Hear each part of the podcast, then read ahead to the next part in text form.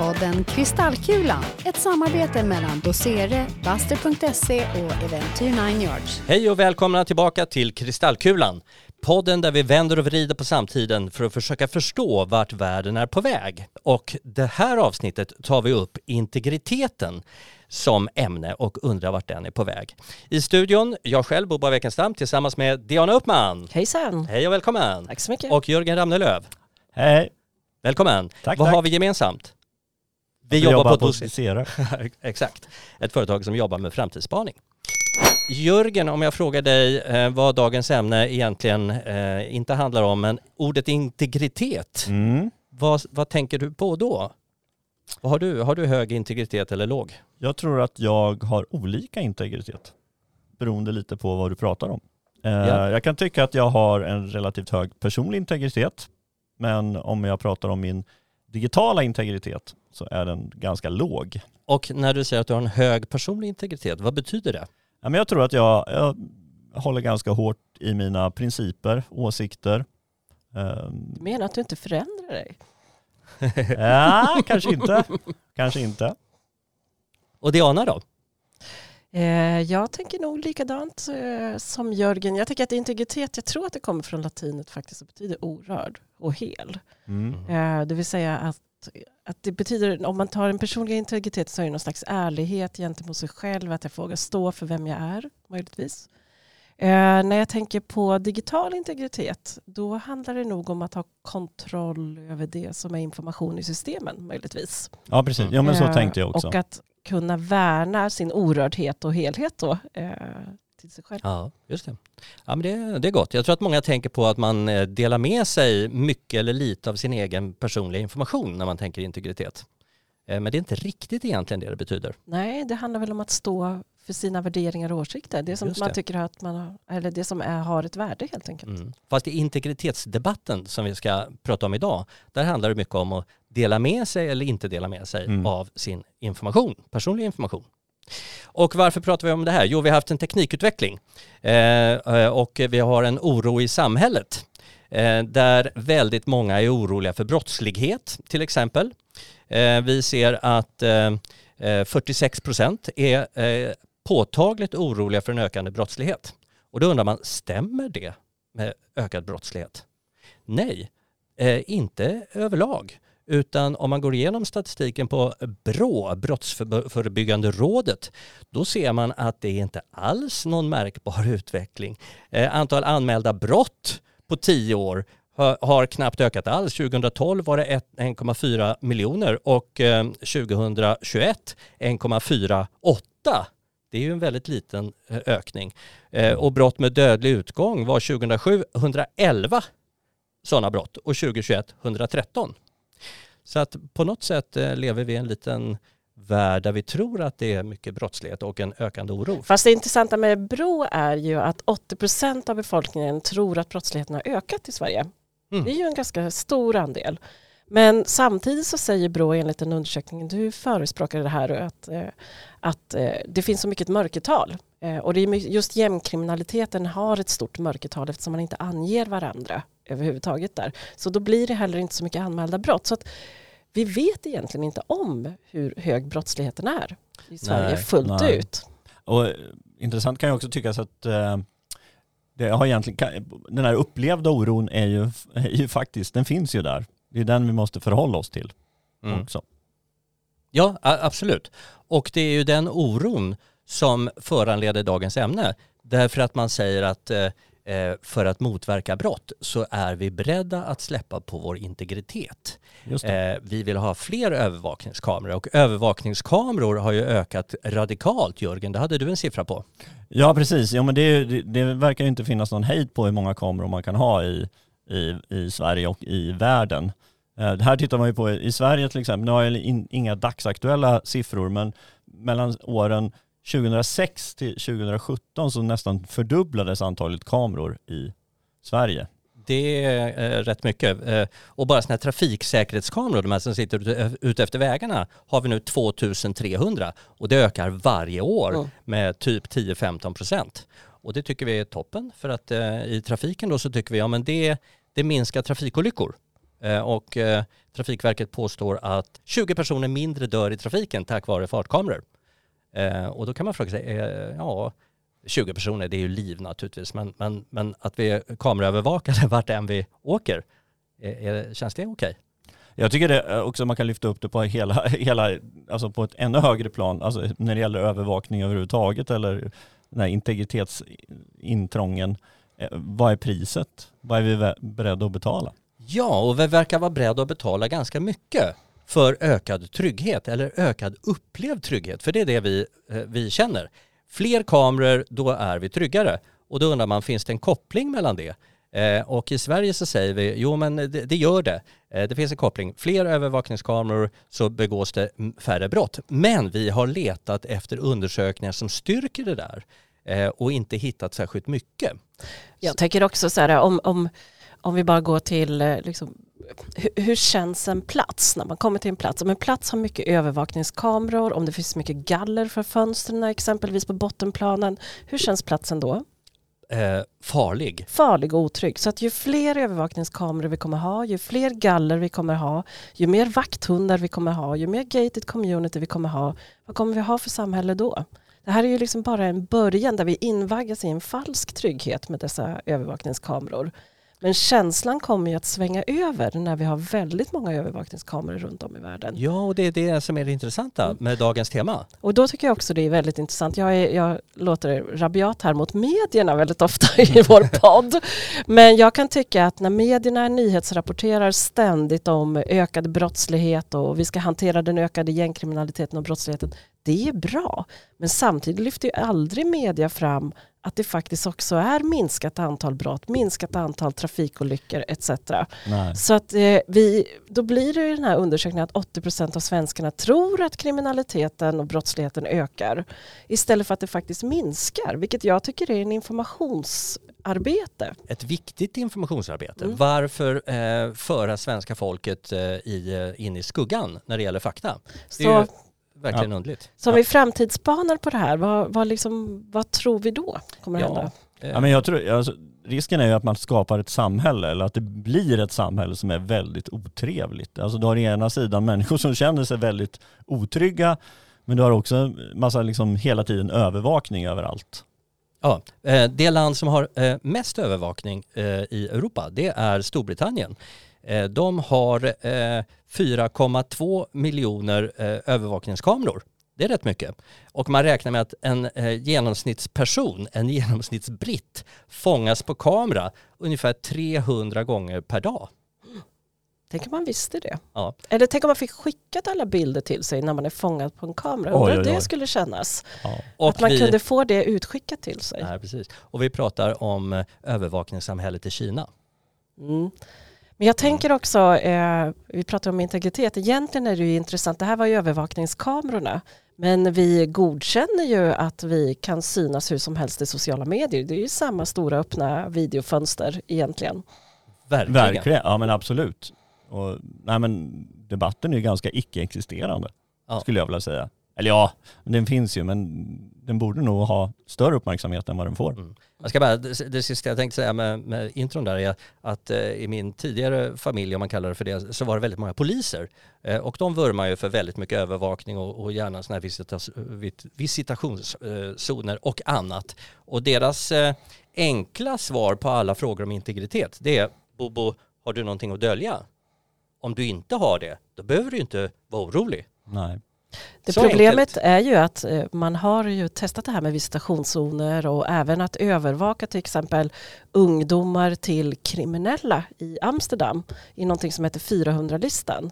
Och det visar ju sig hade ett fullkomligt motsatt effekt. Det blev ju fullkomligt stigmatiserande på de här ungdomarna att de alltid blev intagna på kontroll, att det alltid kom poliser hem till dem för att titta på vad de gjorde och de kunde inte helt enkelt leva sina enkla liv. Så att eh, jag vet inte dina poliser tror jag får läsa på lite. Mm, jag tror det. Eh, det var lite introduktion till dagens ämne.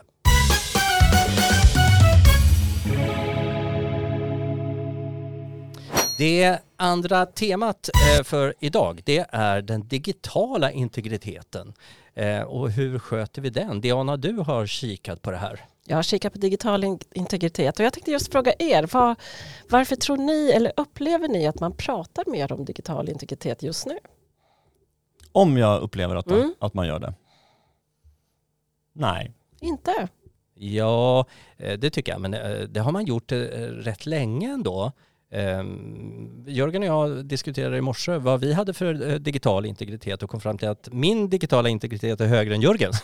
Du klickar ja på alla sådana här Det mesta, knappar. absolut. Eh, Godkänner du det?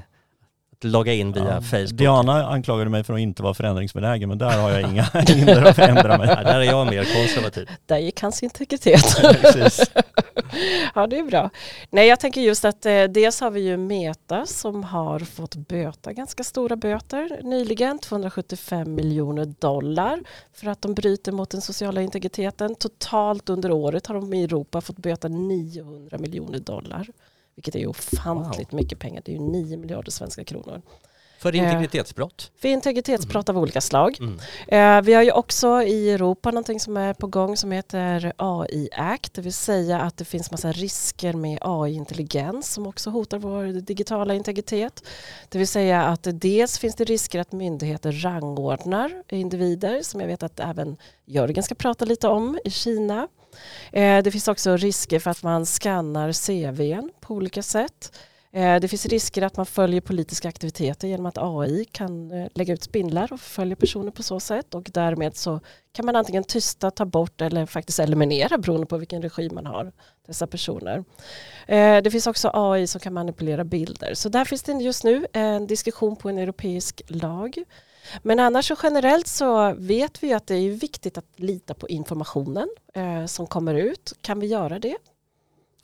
Nej, Nej, det är det, korta svaret. Nej, och den är ju så manipulerad så att det även kan manipulera val, vilket också skapar en ganska eh, stor liksom, bristande förtroende för de här sociala medierna. Eh, så att jag, jag tror att vi kommer att höra ännu mer om just eh, digital integritet. Jag tror att vi kommer att höra ännu mer kritik mot Meta och Facebook och andra sociala medieplattformar. Även Google som samlar in det här. För det som är intressant är ju att de flesta företag är ju skyldiga att följa någon slags GDPR som gör att vi inte kan bete oss hur som helst med vår beteendedata. Men sociala medier, de har ju liksom lyckats gå runt det här på något sätt och, och helt plötsligt så kan vi tänka oss att liksom Jörgen, klicka ja på alla avtal och vill vi verkligen sätta sig in i de här avtalen så kan de ibland vara nästan tusen sidor långa. Mm. Och det går ju också, det nästlar ju in sig ännu mer för går vi in till smarta hem eller smarta funktioner då kommer de här smarta funktionerna inte ens fungera om du inte klickar ja på allting som finns där. Ja, Vilket gör att du säljer ju hela din bekvämlighet och integritet till de här företagen som blir beteendedata som de sedan använder i sin produktutveckling. Jag minns ett eh, avsnitt från South Park, jag tror det var typ 2011, eh, som handlade om just det där med digital eh, integritet. Eh, och någon godkände ett Apple-avtal Eh, och blev sen jagad av Apple. För han hade ju naturligtvis inte läst igenom avtalet och vad det innebar. Och det var ju en jätte, jätteroligt avsnitt. Så, men- så i min värld så har det blivit ett, som ett slags nyvaknande just nu. Att vi ändå börjar bli mer och mer medvetna om att de här stora jättarna samlar in data. Vi har blockkedjeteknik som håller på att sakta rullar in. Vi pratade om det vid förra avsnittet eh, och webb 2.0 och webb 3.0 som skulle kunna delvis förhindra att de här stora jättarna samlar in all beteendedata från oss. Men, eh, men fortfarande har vi de här jättarna som styr och ställer. Så att vi, jag tror också att lagar och regler, någon slags global konstitution skulle kunna hjälpa oss i det här fallet eftersom det är globala företag. Så frågan är vad ser vi framåt? Vad, vad tror ni utifrån det vi har pratat om nu? Så här, vad ni ser framåt?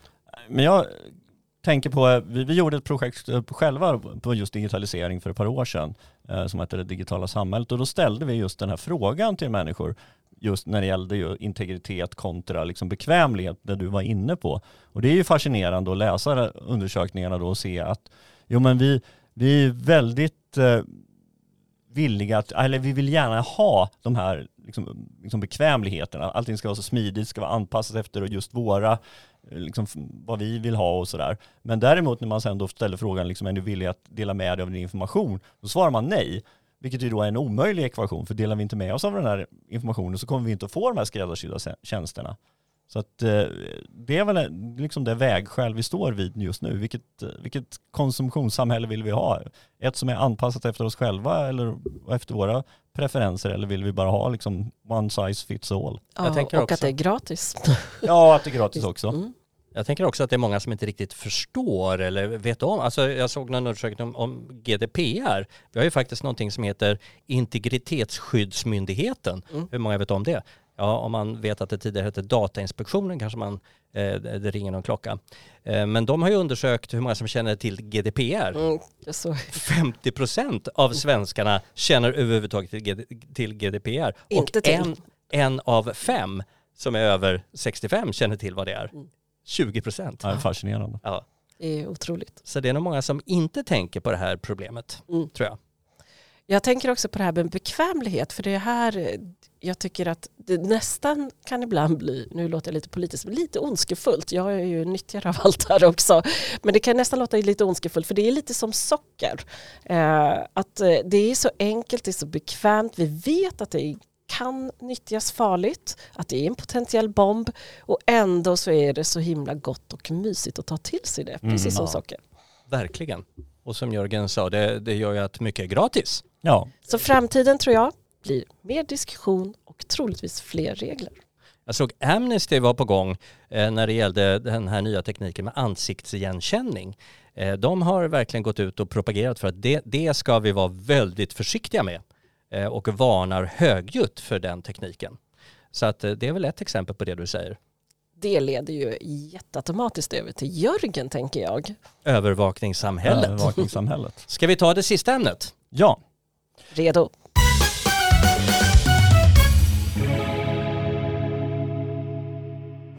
Ja, jag har ju lite spanat på det här då med att vara i övervakningssamhället. Aha, Eh, jo, nej men för frågan är ju då liksom vad skapar det här för typ av samhälle? Vad, är vad, är, vad ska all den här övervakningen, förutom att liksom spionera på våra konsumentbeteenden och spionera på eller övervaka olika typer av kriminella och sådär, så är det ju så, faktiskt så att vi alla blir övervakade oavsett om vi är kriminella eller inte eller om vi är konsumenter eller inte.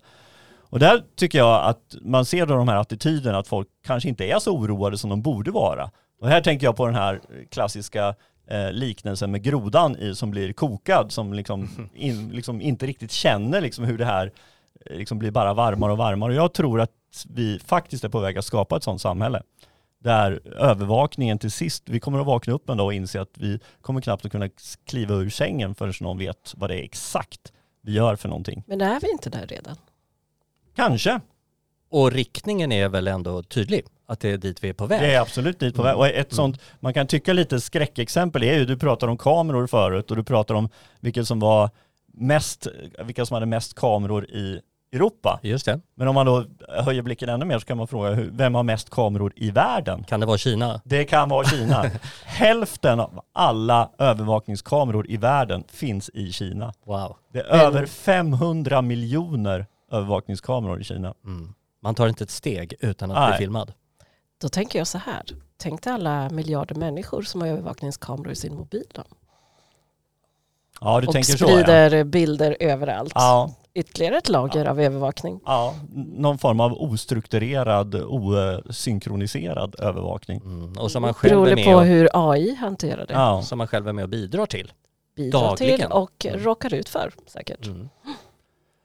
Nej, men tillbaka till Kina så har ju de då funderat på liksom, men vad kan man göra med det här då? Så de har ju då e- ett sånt långtidsprojekt som de har är det de kallar för ett social credit system. Eh, där man då har tänkt sig att man ska, det är lite, grundidén startade faktiskt redan på 90-talet och då skulle man skapa det som vi har ungefär här i västvärlden, de här kreditsystemen ni vet med upplysningscentralen och sådär. Man får liksom, ja men du är kreditvärd, ja men du får låna här eller du får köpa på kredit här. De är nu på väg att ta det här betydligt längre och börjar då fundera på, liksom, kan man inte börja väga in massa andra saker också? När vi ändå vet så jättemycket om våra medborgare. Så det, då pratar man ju om att liksom även ta in, liksom, vad, vad har man för rykte, vad har man för beteende överallt och allt det där ska då liksom, hamna i någon form av social credit. Och det här har man kommit ganska långt i. Man har fortfarande inte sjösatt något system. Det verkar vara lite så att det har haltat lite på vägen. Man har gjort några försök i några olika provinser i Kina med att testa det här. Vad är, det, vad är det som ingår då, då i, i bedömningen? ja, men, eh, alltså det ultimata är att allt ingår. Allt du gör, allt du... Om jag betalar mina räkningar i tid? ja, Om jag... vad, vad du lägger upp på sociala medier. Är du straffad? Alltså, din, alltså alla typer av system, eh, databaser ska då samköras för att sen då utifrån någon form av algoritm då räkna ut att du får ett visst score då. Typ på en 100-gradig skala så är du liksom 78. Ja. Det finns ju också en massa motforskning på just den där bilden. Att det är vi i västvärlden som har målat upp den här lite skräckinjagande bilden på det auktoritära Kina. Jag vet inte om ni har läst det, men MIT Review har en stor artikel som Mm. handlar just om att eh, det är väldigt lokalt och det är inte så populärt i Kina och man vet heller inte om man ska bygga ut det här och att det är skrämselpropaganda från väst att Nej men absolut. göra det här. Nej men som jag sa så har man ju då, det är ju inte sjösatt. Det är, det är en idé, en Mm. tanke och man har gjort tester och all, allt har inte fallit ut väl. Fast många pratar om, om det som om det Ja. vore i bruk. Ja, fast så är det inte. Nej. Och det här är ju det som jag tycker är mest intressant för jag tycker det låter som ett, eh, en fruktansvärd dystopi att bli övervakad och få creditpoäng och så vidare. Men eh, jag tänker egentligen, är det inte så vi har det i västvärlden? Är inte det här precis det som händer, fast vi har det utifrån kommersiella syften? Vi är ju övervakade exakt hela tiden. Alla våra sociala medier samlar in eh, olika credits och poäng som gör att vi i algoritmer får antingen mycket uppmärksamhet eller lite uppmärksamhet.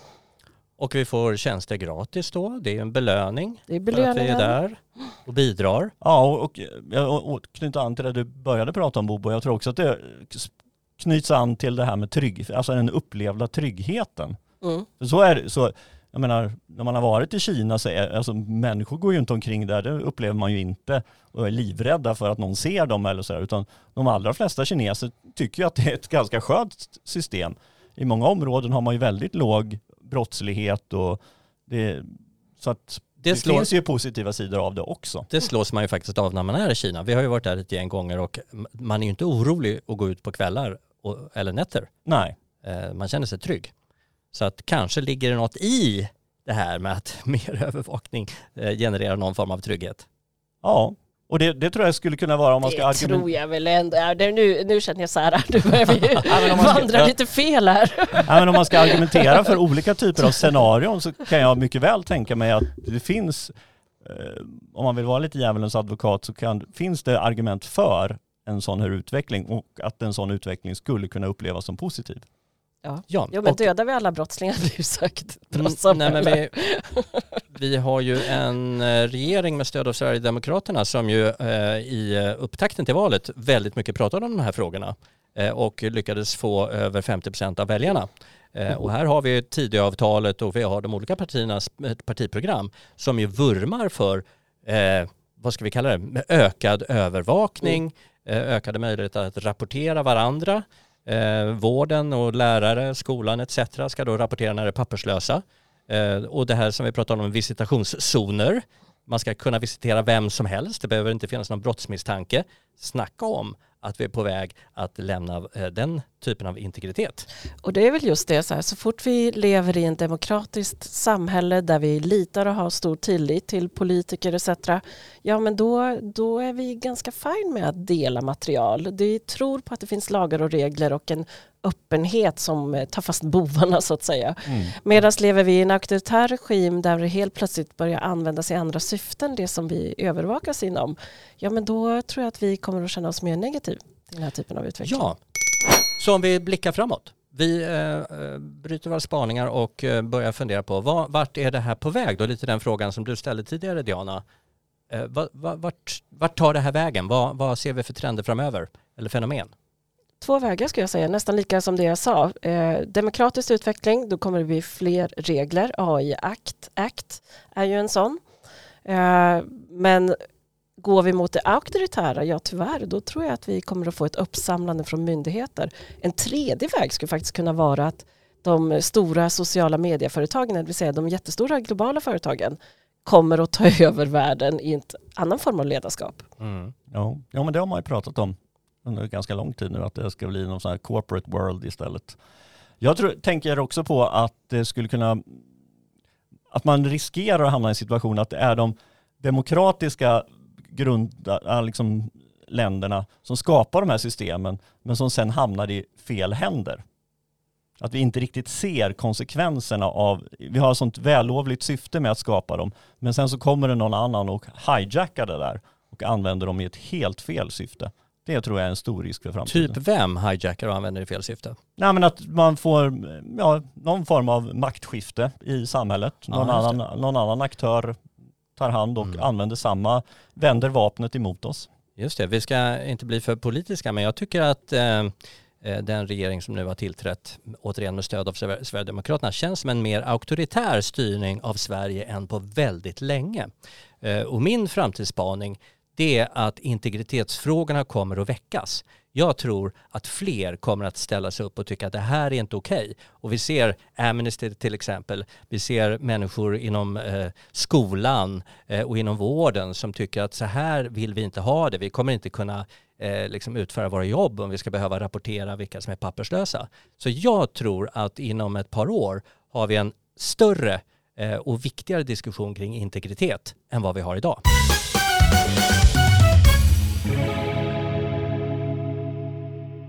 Så det, kära lyssnare, det var allt vi hade att bjuda på idag från Kristallkulan. Tack Diana, Tack så mycket. tack Jörgen Tack Bobo. och tack vår producent Annette Mörk från Eventyr eh, Nine Yards. Eh, Och det är dags för eh, en låt då som vi brukar anpassa efter dagens tema. Och den här gången blir det en låt som heter Integrity. Ja, passande. Ja, och det är eh, Aretha Franklin, en gammal goding. Så tack lyssnare för idag. Vi hörs om en vecka. Hej då! Hej då. Hej då.